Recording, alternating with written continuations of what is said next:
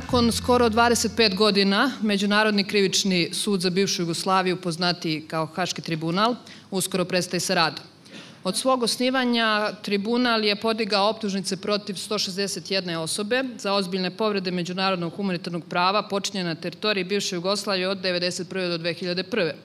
Danas je okončani postupak u predmetu Prlić i drugi, a sedam dana ranije osuđen je Ratko Mladić. Mislim da je e, najbolje da krenemo od ove najaktuelnije vesti što se desila danas, a to je presuda šestorici bivših visokih zvaničnika takozvane Herceg Bosne, Prvostepenom presudom Jaranko Prlić, Bruno Stojić, Slobodan Praljak, e, Berislav Pušić, Milevoj Petković i Valentin Ćorić su osuđeni na ukupno 111 godina. Krenut ćemo sa gospođom Džananom, vi zaista ste bezmalo puta u javnosti ovaj, podsjećali to šta, se sve, šta je sve iznat u prvostepenoj presudi. Danas je potvrđeno da se radi o udruženom zločinačkom poduhvatu da je to bio praktično međunarodni konflikt, kako vi volite e, u vašim izjavama e, da kažete da je to bila agresija. Ja bih vas prvo pitala prosto da prokomentarišete ovo što se danas desilo. Međunarodni konflikt ja prevodim narodski da se radi o agresiji, zato koristim taj izraz, zato što ljudi e, uh, obično ne znaju što znači međunarodni konflikt, a međunarodni konflikt je danas u slučaju Jadranku Prlić i ostali uh, presuđen po peti put pravosnažno kad je u pitanju Hrvatska, odnosno njeno učestovanje u ratu u Bosni i Hercegovini uz e, međunarodni konflikt e, u prvostepenoj presudi smo imali udruženi zločinački poduhvat u kome su učestvovali uz šestoricu optuženih e, dužnostnika Herceg Bosne i e, Franjo Tuđman, tadašnji predsednik Republike Hrvatske, Gojko Šušak kao tadašnji ministar e, odbrane Republike Hrvatske i general e, Bobetko. E, ono što je najviše podzalo prašinu u poslednje vrijeme i, kako bih rekla, posticalo Hrvatsku na diplomatske, političke i druge akcije pokušavajući da pokažu kako Hrvatska nije učestvovala u ratu u Bosni i Hercegovini. Bio je taj udruženi zločinački poduhvat, mada u suštini sve i da nije presuđen i ne vidim šta bi značajno e, promijenio s obzirom da se radi, da imamo presud da se radi o međunarodnom konfliktu. Usto presuđeno je danas da je e, Hrvatska vojska okupirala dio teritorije e, Bosne i Hercegovine. Presuđeni su zločini koji su počinjeni oni na prostoru takozvane Herceg Bosne i potvrđene su kazne koje su izrečene uh, eh, osumnječenima i u prvostepenom postupku. Ono što mislim da je bitno s obzirom na temu ove tribine da se kaže jeste da je danas u stvari eh, na neki način potvrđeno ono što je dosad presuđeno u Haškom tribunalu i da je danas potvrđeno da su i Srbija i Hrvatska bile agresori u Bosni i Hercegovini, s tim da nije nezanimljivo pomenuti da upravo na teritoriji eh, Hrvatske imamo presudu također pravosnažnu, Martiću, u kojoj se decidno kaže da se takođe radilo o jednom drugom udruženom zločinačkom poduhvatu, u kome su uz policiju i snage Republike Srpske krajine učestovale uh, politički i vojni vrh iz Srbije, odnosno da se uz pomoć političkog i vojnog vrha Republike Srpske radilo u udruženom zločinačkom poduhvatu da se napravi Velika Srbija. S druge strane, u današnjoj presudi Prliću potvrđeno je da je krajnji cilj udruženog zločinačkog bio da se napravi Velika Hrvatska koja bi bila u granicama nekadašnje Banovine, odnosno koja bi uzela dio teritorije Bosne i Hercegovine. Zamola bi vas samo da prokomentarišete ovaj, ovo što se desilo sa gospodinom eh, generalom Slobodanom Praljkom. Ja dakle sad moram reći nešto vrlo privatno, to je da, e, da je gospodin Praljak u trenutku prije nego što je to uradio, uh, shvatio i suočio se sa stravičnošću zločina za koje je osuđen, uh, ja bih vjerovatno imala neki, imala bih neki komentar. Ali s obzirom na poruku koju je uputio i to što je napravio, zaista ne bih komentirao. E, pitala bih vas još samo, e, inače su odnosi između Hrvatske i BiH prilično loši u poslednje vreme, kao, vi, kao i u samom regionu. Kako će ovo sada, da, ova presuda utiče unutar BiH? Ponavljam, e, Jadranko Prlić peti put je presuđen međunarodni konflikt u Bosni i Hercegovini i učešće Hrvatske u ratu u Bosni i Hercegovini. Dakle, ako mi dosad nismo imali razloga da zatežemo unutrašnje odnose, ne znam zašto bismo sad umjesto da se prihvati uh, presuda takva kakva jeste i vidim da vrlo, vrlo malo glasova iz Hrvatske dolazi uh, danas o tome koji govore u tom pravcu. Mi imamo interpretaciju presude koja šalju potpuno drugačije poruke i u stvari te interpretacije doprinose podjelama i podizanju tenzija, a ne sama presuda. Sud je sudio, odgovornost na osnovu činjenica i dokaza, čuo sam da se spominje 10.000 dokaza, što je zaista ogromna količina dokaza, dok izjave koje dolaze od zvaničnika se baziraju na nekim narativima, baziraju se na njihovim uvjerenjima, a nažalost to su koje dolaze do javnosti. Pitam gospodina Josipovića, evo, tribunal je presudio da je reč o udruženom zločinačkom poduhvatu i o učešću bivšeg hrvatskog vrha na čelu sa tadašnjim predsednikom Tuđmanom. Reakcije u Hrvatskoj su burne, ali prvo vas pitam šta vi mislite o svemu ovome što se danas desilo? Pa dobro, kao prvo e, moram reći da sam pomalo šokiran činjenicom da svi, pa evo i vi ste krenuli sa prvim pitanjem o e, ovime šta se desilo u sudnici, a malo ko ili gotovo nitko se nije sjetio da je to trenutak kad treba izraziti sučut u odnosu na žrtve, e, posebice naravno ovog predmeta jer je on danas aktuelan, ali mislim da je isto tako e, na kraju djelovanja suda potrebno reći da su tisuće Bošnjaka, Hrvata i Srba u ovom nesretnom ratu bili strašne žrtve i da su na sve tri strane počinjeni grozni zločini i svatko ko bi to negirao i ko bi pokušao jednu stranu samo okriviti za sve, bi bio uh, u krivu, naravno. E sad kada je reč o samoj presudi, ona je mene dijelom iznenadila, a dijelom nisam očekivao da bi mogla biti drugčija. E, naime, e, možda sam malo opterećen svojom profesijom. Ja sam bio, kako bih rekao, pomalo možda i nenadano političar, a izvorno sam profesor i to kaznenog prava. I e, zato neki aspekti djelovanja Haškog suda, kojeg u cjelini poštojem, mislim da je dobro da smo ga imali, meni nisu, e, kako bih rekao, do kraja sjeli.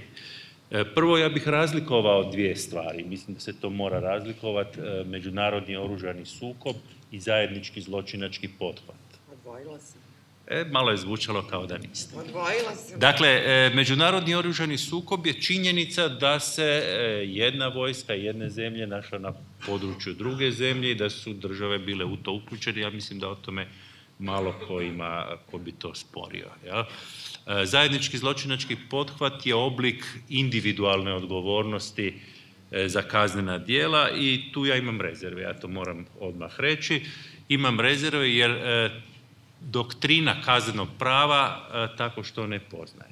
Ja time ne želim opravdati ni malo ni Hrvatsku, a još manje počinitelje dijela. Ostalom, ja sam, što sam mislio, rekao o hrvatskoj politici u parlamentarnoj skupštini e, Bosne i Hercegovine, kada sam rekao da je hrvatska politika u Bosnoj i Hercegovini bila pogrešna i na određeni način uputio ispriku Bosni i Hercegovini. Dakle, e, kada je riječ o tom zajedničkom zločinačkom pothvatu, treći oblik, ja sam bez obzira kome se sudilo, da li Srbima ili Hrvatima ili Bošnjacima, e, i Bošnjaka nije bilo, ako se ne varam, ili u tom zajedničkom zločinačkom pothvatu, dakle, ja sam tu imao rezervu. Jer mislim da taj koncept e, izlazi, čak bih rekao i iz statuta samog suda, i da izvan tih E, još jednom time ne umanjujem zločine i ne opravdavam hrvatsku politiku iz 90. godina, govorim kao pravo. Drugo e, što bih htio reći o današnjoj presudi općenito o radu Haškog suda, ako smijem reći, e, ja sam bio veliki zagovornik Haškog suda i danas sam sretan da je Haški sud postojao. Sretan sam i mislim da je obavio važan posao, ali naravno ništa nije crno-bijelo, pa imam i neke primjedbe. Kao prvo, u njegove zasluge uzimam to što je Haški sud podigao svijest o odgovornosti za ratne zločine. Nadalje, Haški sud je promijenio dijelom praksu pravosuđa u svim državama. Poslije ja mogu to za Hrvatsku posvjedočiti. Hrvatska je osudila dva svoja generala i osudila je e, mnoštvo drugih ljudi i Hrvata i Srba i čak i neke Bošnjake osudila e, pri čemu neću reći da je to uvijek savršeno funkcioniralo, praksa je bila takva ne uvijek najbolja. I e, moram reći da je Haški sud bio dobar temelj za osnivanje nečega što tek treba razviti do kraja, to je stalni međunarodni kazneni sud. U slabosti Haškog suda bi ubrojio e, lošu pripremljenost predmeta, to je rezultiralo dugotrajnim postupcima, dakle e, kad čitate statut i pravila o postupku i dokazima, zaključili bi da bi e, ljudi bili uhićeni i dovedeni u Hag nakon što već postoje optužnice ili nakon što je barem stvorena solidna baza i po 5, 6 pa i više godina se dalje vodila istraga nakon što su okrivljenici dovedeni u Hag. To je rezultiralo predugim postupcima i time se otupio taj osjećaj e, zla koje je počinjeno i koje je temelj, temelj bilo tim optužbama. Nadalje, nisam siguran da su svi koji su zaslužili biti u Hagu tamo se zaista i našli. Kao što moram reći da je bilo i nekih za koje mislim da barem kada je riječ o dikciji statuta dajteža e, dijela protiv međunarodnog humanitarnog prava da su baš pravo izabrani, da je možda tu bilo možda i nekih olakih odluka. Jel? U konačnici bih rekao da, evo, zbrajajući sve, e, jako podržavam to što je Haag radio, uz određene, naravno, stručne, prije svega stručne kritike, i e, nadam se ono što mi je samo za poželjeti je to da se iz svih tih činjenica koje su utvrđene, ostala je ogromna baza podataka o zločinima, e, da će nacionalna pravosuđa imati snage i hrabrosti da po toj dokumentaciji nastave e, rad i da počinitelje, bez obzira koje su oni nacije i bez obzira koje su nacije žrtve, da ih kazne mislim, da vi ste radili tolike godine u tribunalu, kako je moguće da se takve stvari dešavaju i da li je to uopšte uh, neka poslednja mrlja na, ovom, na radu tribunala? To je skandalozno. Ja ću da kažem zbog čega je po, posebno, zato što danas je vrlo bitna ovaj, e, pravosnažna presuda u modi gde se sve poriče i gde ne samo da e, osobno ili neki ljudi poriču ili nekih e, grupe i tako dalje, nego na državnom nivou se poriče mnogo toga što je već davno utvrđeno i nastavlja se kao državna politika da se to uradi. Ovo ovdje u, u Srbiji, a još gore u Hrvatskoj koja je članica Evropske unije, Sada imamo jedan incident koje nije smeo se desiti, e, koje ne bi ne trebalo se zvati incident, nego jača reč, ne znam koja treba ovaj, e, u sudnici samoubistvo koje e, bezbedne mere je trebalo ovaj, sprečiti, je, je strašno, ali kad je u roku od dve sedmice utvrđeno ponovo utvrđeno, da kažem bolje, ovaj, da su postojali, ako ne volite e, reč, udruženi zločinački poduhvat, onako meni teško izgovarati, dva kriminalni projekti, kriminalni zato što nisu mogli a, e, biti e, izvedeni bez masovnih zločina protiv a, ljudi koji su ubijeni ne zbog ičega što su radili, nego samo zbog njihov pripadnosti. Rekla sam, ne bi trebalo da se desi što se desi desilo danas u sudnici, posebno zato što prvo postoje različiti postupci. Još manje je trebalo da se desi zato što ako se dobro setite od početkog novembra, znači ovaj, bili su uh, u više navrata zahtevi, pisma, izjave od strane udruženja žrtava iz Bosne Ercegovine upozorili uh, tribunal da sve čini da ne pušta bilo koje a, eh, opasnost na mladić pre prvostepenu presudu, jer praksa u sudu je da ne, ne može se izneti a, eh, presudu a, eh, ako je okrivenih ovaj, a, umru. Zašto je bilo toliko insistiranje od strane žrtve a, u slučaju mladića? A, zato što je već bilo presedan E, uvođenje, švercovanje e, lekovi u e, pritvorskoj jedinici u slučaju Milošević. Poznajem lično mere koje postoju i koje nisu premenjivani danas u sudnici i mhm. koje su labave već davno. Hvala Nemanja, dugo, zaista dugo pratiš suđenja u tribunalu. Prvo nam prokomentariše poslednje presude, ne mislim samo na ovu danas, već i na Ratka Mladića, a potom oceni rad tribunala. Drago mi je da ne, da ne moram da govorim o ovom e, današnjem nemilom događaju, jer, jer zaista a, e, e, preti opasnost da sve drugo padne u senku toga. A, što se tiče ove dve poslednje presude, Mladićeva presuda je očekivana, ali neočekivana onako kako su, go, kako su je očekivanom videli predsednik Srbije koji je rekao da smo svi znali šta će da se desi i da nema ni jedne osobe u Srbiji koja a, nije znala da će Mladić biti a, a, osuđen i to je bio ton zapravo koji je govorio da znali smo da će još jedan Eh, Srbin biti osuđen pred eh, tribunalom, a ne očekivano je zbog toga što su postojali snažni dokazi, konzistentni, koji su upućivali na to da su zločini počinjeni i da je Mladić za njih eh, odgovoran. Na to se posle nadovezao i patrijarh Irinej, koji je isto to rekao da je sve bilo očekivano i da je to đavolja rabota ili kako je već to formulisao. Dakle, mi imamo taj jedan otpor prema tome otpor prema tome da se sagledaju ti dokazi. Dakle, nije Mladić osuđen zato što je bio komandant ili samo zato što je bio komandant Vojske Republike Srpske,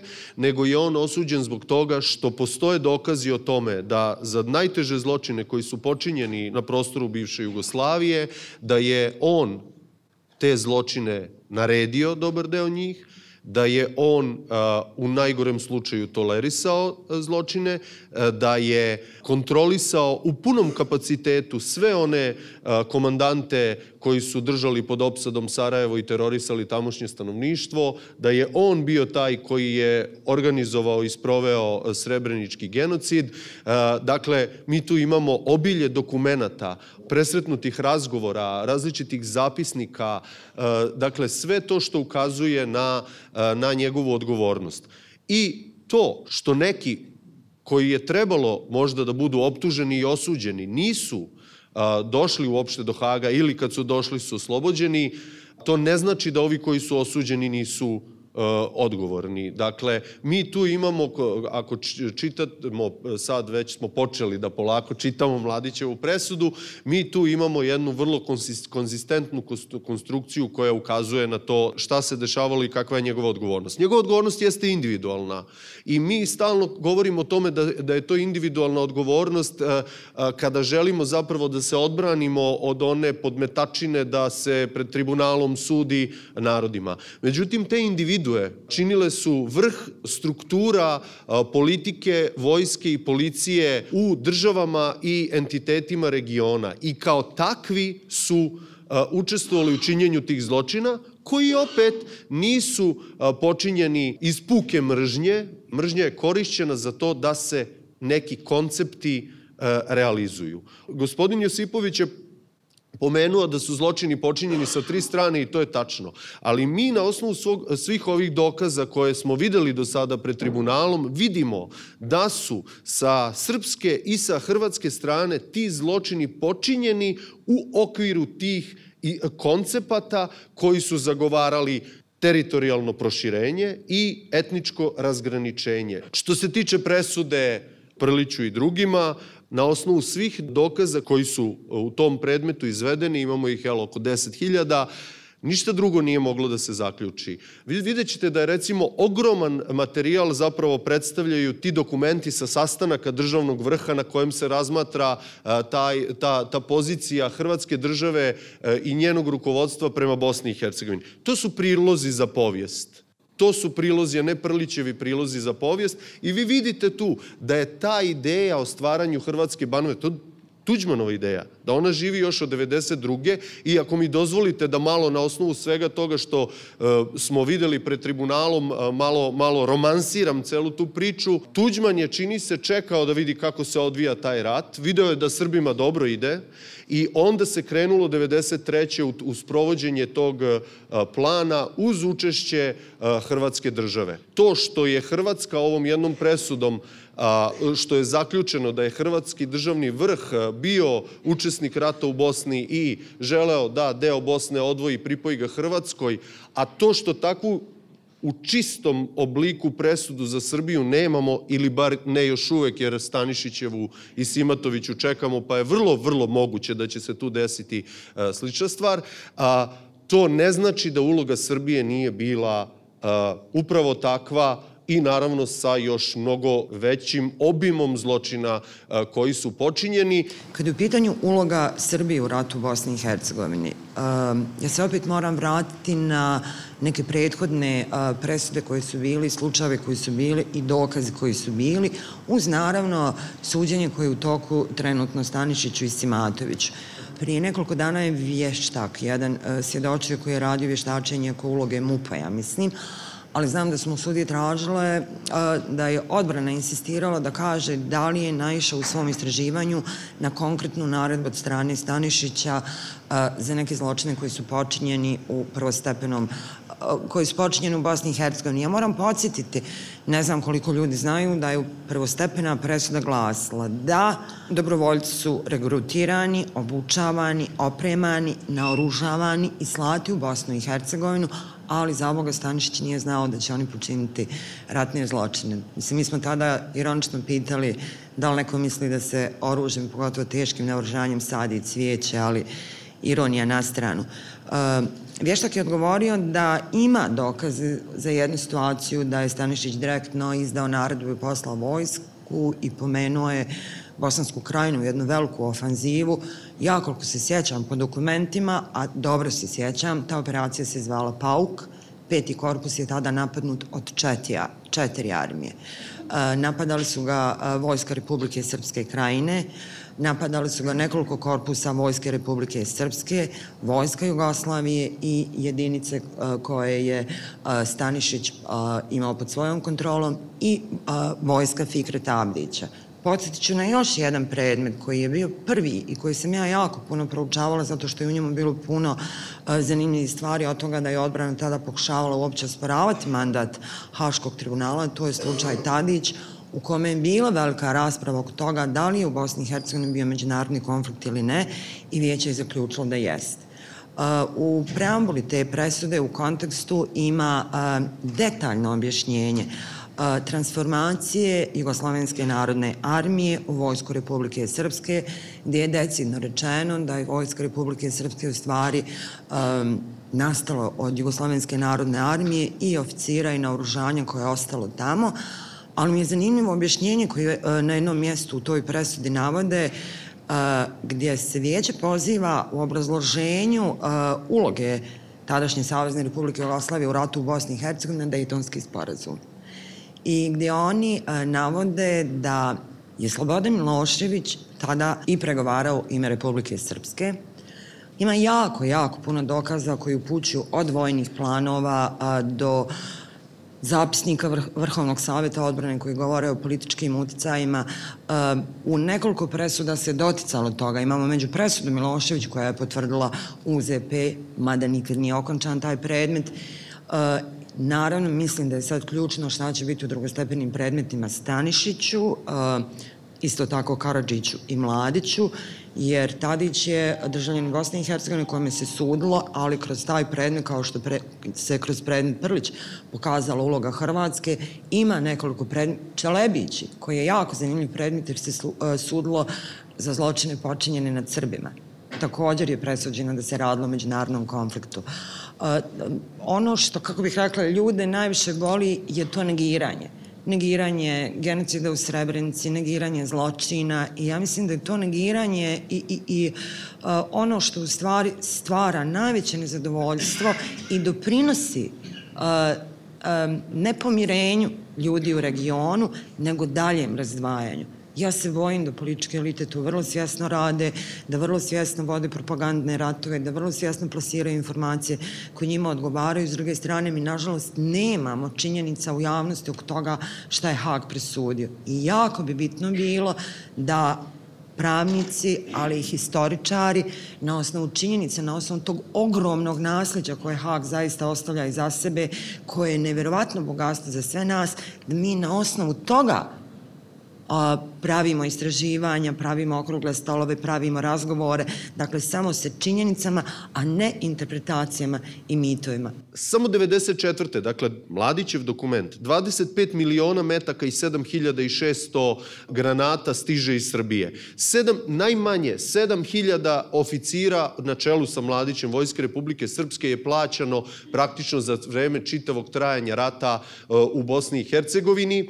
Svi oni su posle iz Beograda dakle, od strane Vojske Jugoslavije iz tog budžeta je to plaćeno. Preko 30. kadrovskog centra. Ali, i mimo tog 30. kadrovskog centra, e, Vojska Jugoslavije šalja oficire. Jedan od njih je, recimo, komandant 10. diverzanskog odreda, poslat je od strane Vojske Jugoslavije u Bosnu i Hercegovinu u rat, mimo E, tog 30. kadrovskog centra, dakle direktno, on je predvodio taj odred koji je zapravo najveći broj tih streljanja u Srebrenici e, e, odradio. 72. i 63. padobranska Eh, sve vreme rata praktično one su tamo prisutne.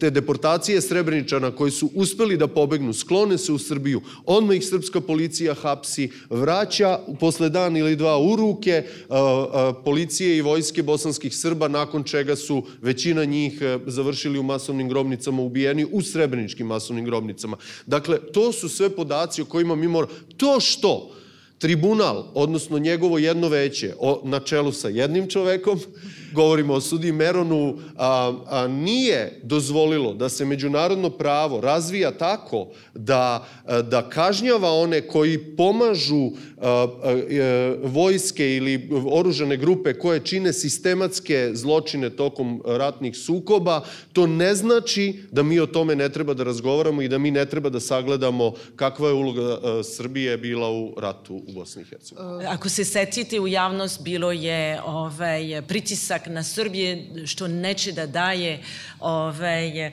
vojni dosje Ratka Mladić. Zbog čega? 94. promovisan u jedan dodatni čin general od strane predsednik SRJ. Ti si pričao o a, padobranske 72. Mene hapsila deve, e, ovaj, u Zvorniku u februaru 93. Koliko znam, Zvornik je još uvek na teritoriji suverene Bosne i Hercegovine i tako dalje. Tako da o učešće Srbije je jasno, tribunal je o tome ovaj, već e, dosta e, govorio. Evo samo Đornana, e, izvinjavam se da doda. Nedavno se desila situacija u Bosni i Hercegovini da je čovek koji je presuđen za ratne zločine e, imenovan na jednu vrlo visoku dužnost u, Boš, u Bosanskom Šamcu upravo u gradu gde je i počinio te zločine.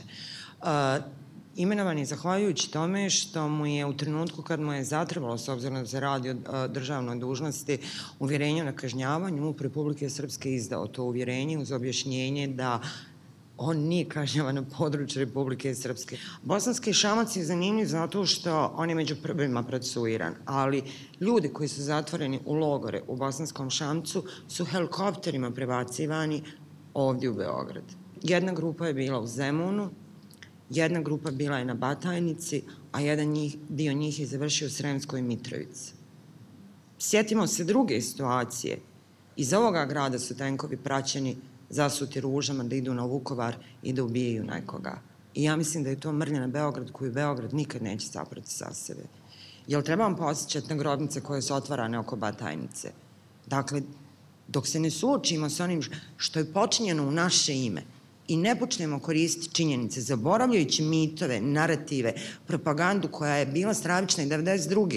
Ja sam vrlo zabrinuta za nas sve, jer mi sad živimo 90. godine. Mm. Ne želim još jedan rat, jedan sam preživjela. Nikad ga nikome ne bi poželila. Ali stvaranjem heroja, kao što je Ratko Mladić, koji je, izvinite gospodu, penzioner Srbije, nije Bosne i Hercegovine, i njegovanjem tih mitova mi stvaramo savršenu predispoziciju za rat koji će se desiti ne za 10 godina, nego sutra, nažalost. Dakle, potpuno je jasno da u Hrvatskoj e, naše pravosuđe nije imalo isti odnos prema počiniteljima Hrvatima kao prema počiniteljima Srbima. Potpuno je jasno slično nešto i u Srbiji kada je riječ o Bosnu i Hercegovini ne poznajem dovoljno pa ne mogu odeti u, u kojoj mjeri je to i u Bosni i Hercegovini, ali e, to je očigledna karakteristika koja doprinosi ovome što ste vi govorili. Dakle, stvaranju podloge mržnje za neki sukob sutra. Ono što mene najviše zabrinjava je to da e, lideri preuzimaju taj narativ. I ja danas ocjenjujem da su odnosi u trokutu Bosna i Hercegovina, Hrvatska, Srbija, cijelom tom trokutu, bitno lošiji nego pred 4, 5 ili 6 godina. Bitno su lošiji. Ta činjenica u širem međunarodnom kontekstu, mi je vrlo brzo, vrlo blizu jugoistoku Evrope imamo ozbiljne ratne sukobe gdje velike sile igraju svoju partiju šaha, naravno preko leđa e, lokalnih ljudi, E, i vrlo brzo bi se ta šahovska tabla mogla premjestiti e, malo na zapad. I to je ono čega se ja najviše bojim, jer je se stvara podloga u, u e, mržnji. Kada radimo bilo koje od ovih naših istraživanja i kada šaljemo zahteve da nam kažu, kada identifikujemo ljude za koje postoje dokazi da su počinioci e, zločina, da su učestvovali u zločinima, a, e, u 95% slučajeva e, dobijamo odgovor, ako ga dobijemo, dobijamo odgovor da su oni a, nakon toga što su učestvovali u tim događajima, nastavili da rade na tim svojim mestima unutar policije i vojske, neretko bili promovisani, dobili još neka bolja mesta i Kad govorimo o sistemu, evo tu je eh, bivši tužilac za ratne zločine kojem taj sistem nije dozvolio da bude advokat. Dakle, advokatska komora, jel? Eh, je odbila da prihvati zato što njegovo ponašanje dok je bio tužilac za ratne zločine sa kojim smo mi takođe imali problema i možemo i o tome da pričamo, je njegovo ponašanje u to vreme e, e, ovaj, ocenila nepatriotskim i zbog toga on ne može da, e, danas da bude advokat. Može li tužilaštvo BiH da nastavi ovaj, da procesuira ratne zločine? Pa moralo bi, zato što je tuštajstvo Bosne i Hercegovine zajedno sa sudom Bosne i Hercegovine uspostavljeno kao dio takozvane izlazne strategije Haškog tribunala, Nažalost, zbog prvenstveno političkih pritisaka, zadnjih godina je došlo do stagniranja, onda se krenulo unazad. Mislim da smo svi svjedoci toga koliko pritisaka Milorad Dodik i Republika Srpska rade na studiju tuštajstvu BiH godinama čak najavljujući i a, e, referendum da se a, e, ukinu te dvije institucije, iako sve vrijeme se tvrdi da je njih uspostavila međunarodna zajednica, zaboravlja se da je državni parlament u kome je bila i stranka Dodikova a, e, glasao za te zakone i za uspostavljanje tih institucija. Jako bi bitno bilo, mislim mi i sad imamo jako puno predmeta koji su urađeni, ali bitno bi bilo a, skinuti te političke etikete. Bio je jedan zanimljiv slučaj za Oraši, kada su podignute optužnice za zločine počinjene nad srpskim stanovništvom i kada smo mi imali iz Zagreba, pa ja, ja uopće ne znam kako to objaviti, to je ludlo bilo, histerija. Istražila sam o čemu se radi, radi se o jednom ratnom predmetu koji je radilo još neko srpsko vojno tuštajstvo, mislim, Brčkog, pa je to putovalo od tuštajstva do tuštajstva, došlo do tuštajstva BiH i uh, u tim prvim dokumentima među osumnjičenima, dakle tada su još bili osumnjičeni, e, bili su podjednako muslimani koji su bili pripadnici HVO i Hrvati. Ta medijska kampanja je bila na svake pameti podržana od hrvatskih lidera u Bosni i Hercegovini. E, to su problemi koje ima pravosuđe, to su problemi koje ima tužiteljstvo. Nažalost, u takvoj atmosferi uh, nisu svi ljudi jaki, nisu kredibilni, pa ni tužitelji, pokleknu e, pod političkim pritiscima, ne usuđuju se upuštati u ozbiljne istrage. Na kraju krajeva ta istraga se završila time da su optuženi samo hrvatski dužnosnici. Pitala sam javno, nikad tužitelj koji vodi taj predmet nije odgovorio kako je došlo do toga. Da li uopšte tribunal ovim presudama odmogao da dođe do pomirenja na ovim prostorima i da li uopšte bio njegova uloga da do, dovede do pomirenja. Kad gledamo e, sjednicu Vijeća sigurnosti, to je 93. godina, kad su članice Vijeća sigurnosti utvrđivale šta je zadaća suda, onda se njihovi iskazi dosta razlikuju u odnosu na ono e, što je ušlo u onaj dokument i na ono kako je sam sud radio. Pomirenje se spominjalo u jednom trenutku, e, međutim ja zaista mislim da pravosuđe nije to koje će odlučujuće generirati tu kulturu pomirenja. Mm. E, to je na političarima. Mm. E, te presude bi trebale biti argument onima koji su dobre volje i koji su orijentirani prema pomirenju, kao što su te iste presude, eto, argumenti onima koji su za daljnju kavu. Prema tome, pravosuđe treba raditi svoj posao. Ja osobno čak mislim da je ona zadaća koja je u dokumentu bila osnivajućem rezolucije 825, eh, eh, da bi trebao sud utvrditi cjelovitu povijest, mislim, ja mislim da to nije primjereno, da to sud ni ne može utvrditi.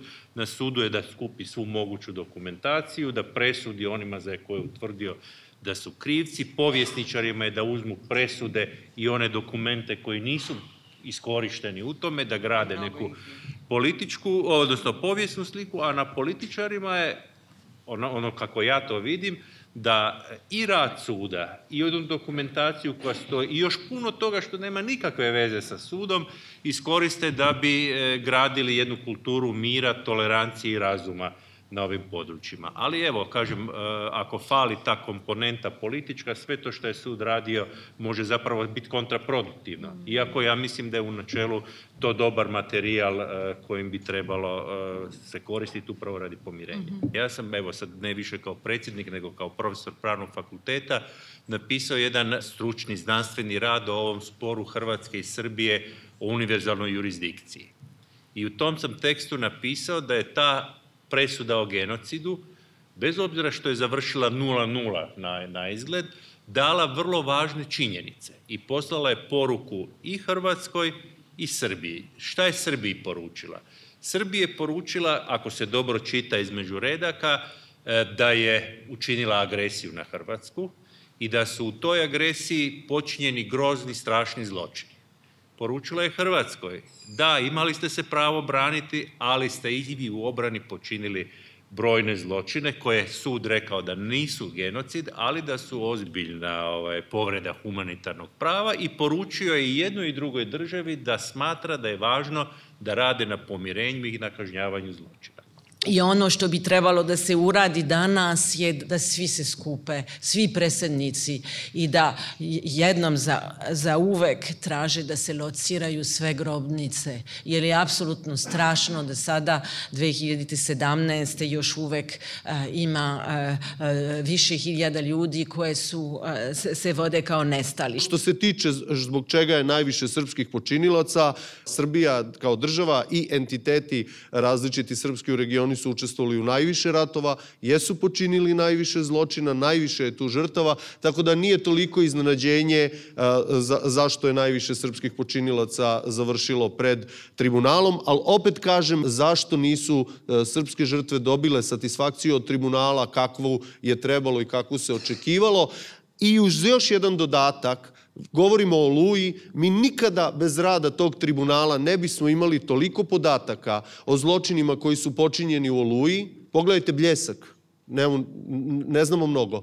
Nikada ne bismo čuli ta svedočenja međunarodnih posmatrača, videli te dokumente koji govore da je više od 17.000 kuća uništeno i spaljeno nakon oluje. E, nikada ne bismo e, čuli ta svedočenja insajdera. Recimo, taj slučaj Grubor je do najsitnijih detalja e, rasvetljen pred tribunalom, a hrvatsko pravosuđe ga do dan danas nije procesuiralo i tako dalje, tako dalje. Tako da, kažem, ček čak i u tim predmetima koji su uslovno rečeno propali, e, mi imamo mnogo toga o čemu možemo da razgovaramo kada razmišljamo o našoj prošlosti. Grubori su, tamo sam bio i poklonio se žrtvama, jedan od primjera da je pravosuđe djelovalo pristrano i da nije rasvijetilo taj zločin, mislim na hrvatsko pravosuđe. E, drugo, dakle i u Bosni i Hercegovini i u Hrvatskoj e, postoje još brojni ljudi u Hrvatskoj, to negdje oko 700-800 ljudi sada, to se mijenja kako se nešto nalazi, čija se sudbina ne zna. Međutim, ono što e, tu valja napomenuti, da ja to stalno govorim u Hrvatskoj, kad čitate u Hrvatskoj javnosti podatke o nestalima, kad gledate i politički diskurs koji s pravom od Srbije se traži da da podatke za koje mi mislimo u Hrvatskoj da ih možda ima posebno u Ministarstvu obrane, vi ćete teško iz naših medija ili izjava političara razumjeti da je negdje oko 40 do 45% od ukupno nestalih u Hrvatskoj su Srbi. Volio bih da danas shvate i u Hrvatskoj i u Srbiji da je prestala ikakva potreba kalkuliranja s nestalima i da je to vrhunsko humanitarno pitanje i da zaista svakom čovjeku treba naći grob i dostojno ga pokopati. Ponovit ću ono što sam danas rekla za jedan medij. Iako Hrvati danas insistiraju da je to bio sukob između Hrvata i muslimana u Bosni i Hercegovini, to je bio sukob samo na prostoru koja se zvala Herceg Bosna. Hrvati i muslimani U Bosanskoj krajini bili su u istoj vojsci, kao što su bili u Tešnju, kao što su bili u Sarajevu, kao što su bili na kraju krajeva i u Orašju, gdje je komadant koji je nažalost sada optužen, tri puta odbio naredbu iz centra, iz Mostara, da pohapsi muslimane u HVO i pošalje ih u logor. A sad ću vam reći i sljedeću stvar – Odgovorno vam tvrdim, kao što sam nedavno rekla gospodinu koji je bio sa mnom u jednoj emisiji Hrvatske nacionalnosti, da ja o zločinima nad hrvatskim narodom znam više od njega, sad ću i vama reći svima ovde, ja o zločinima koji su počinjeni nad srpskim narodom znam više nego vi svi zajedno. Zato što se bavim time, zato što to proučavam, zato što to dokumentujem i nemam nikakav problem da priznam što se desilo. Ali to su bili pojedinačni zločini, ne sistematski, ne planski, neorganizirani, ne u okviru iza SDP-a i ne s idejom stvaranja velike islamske države.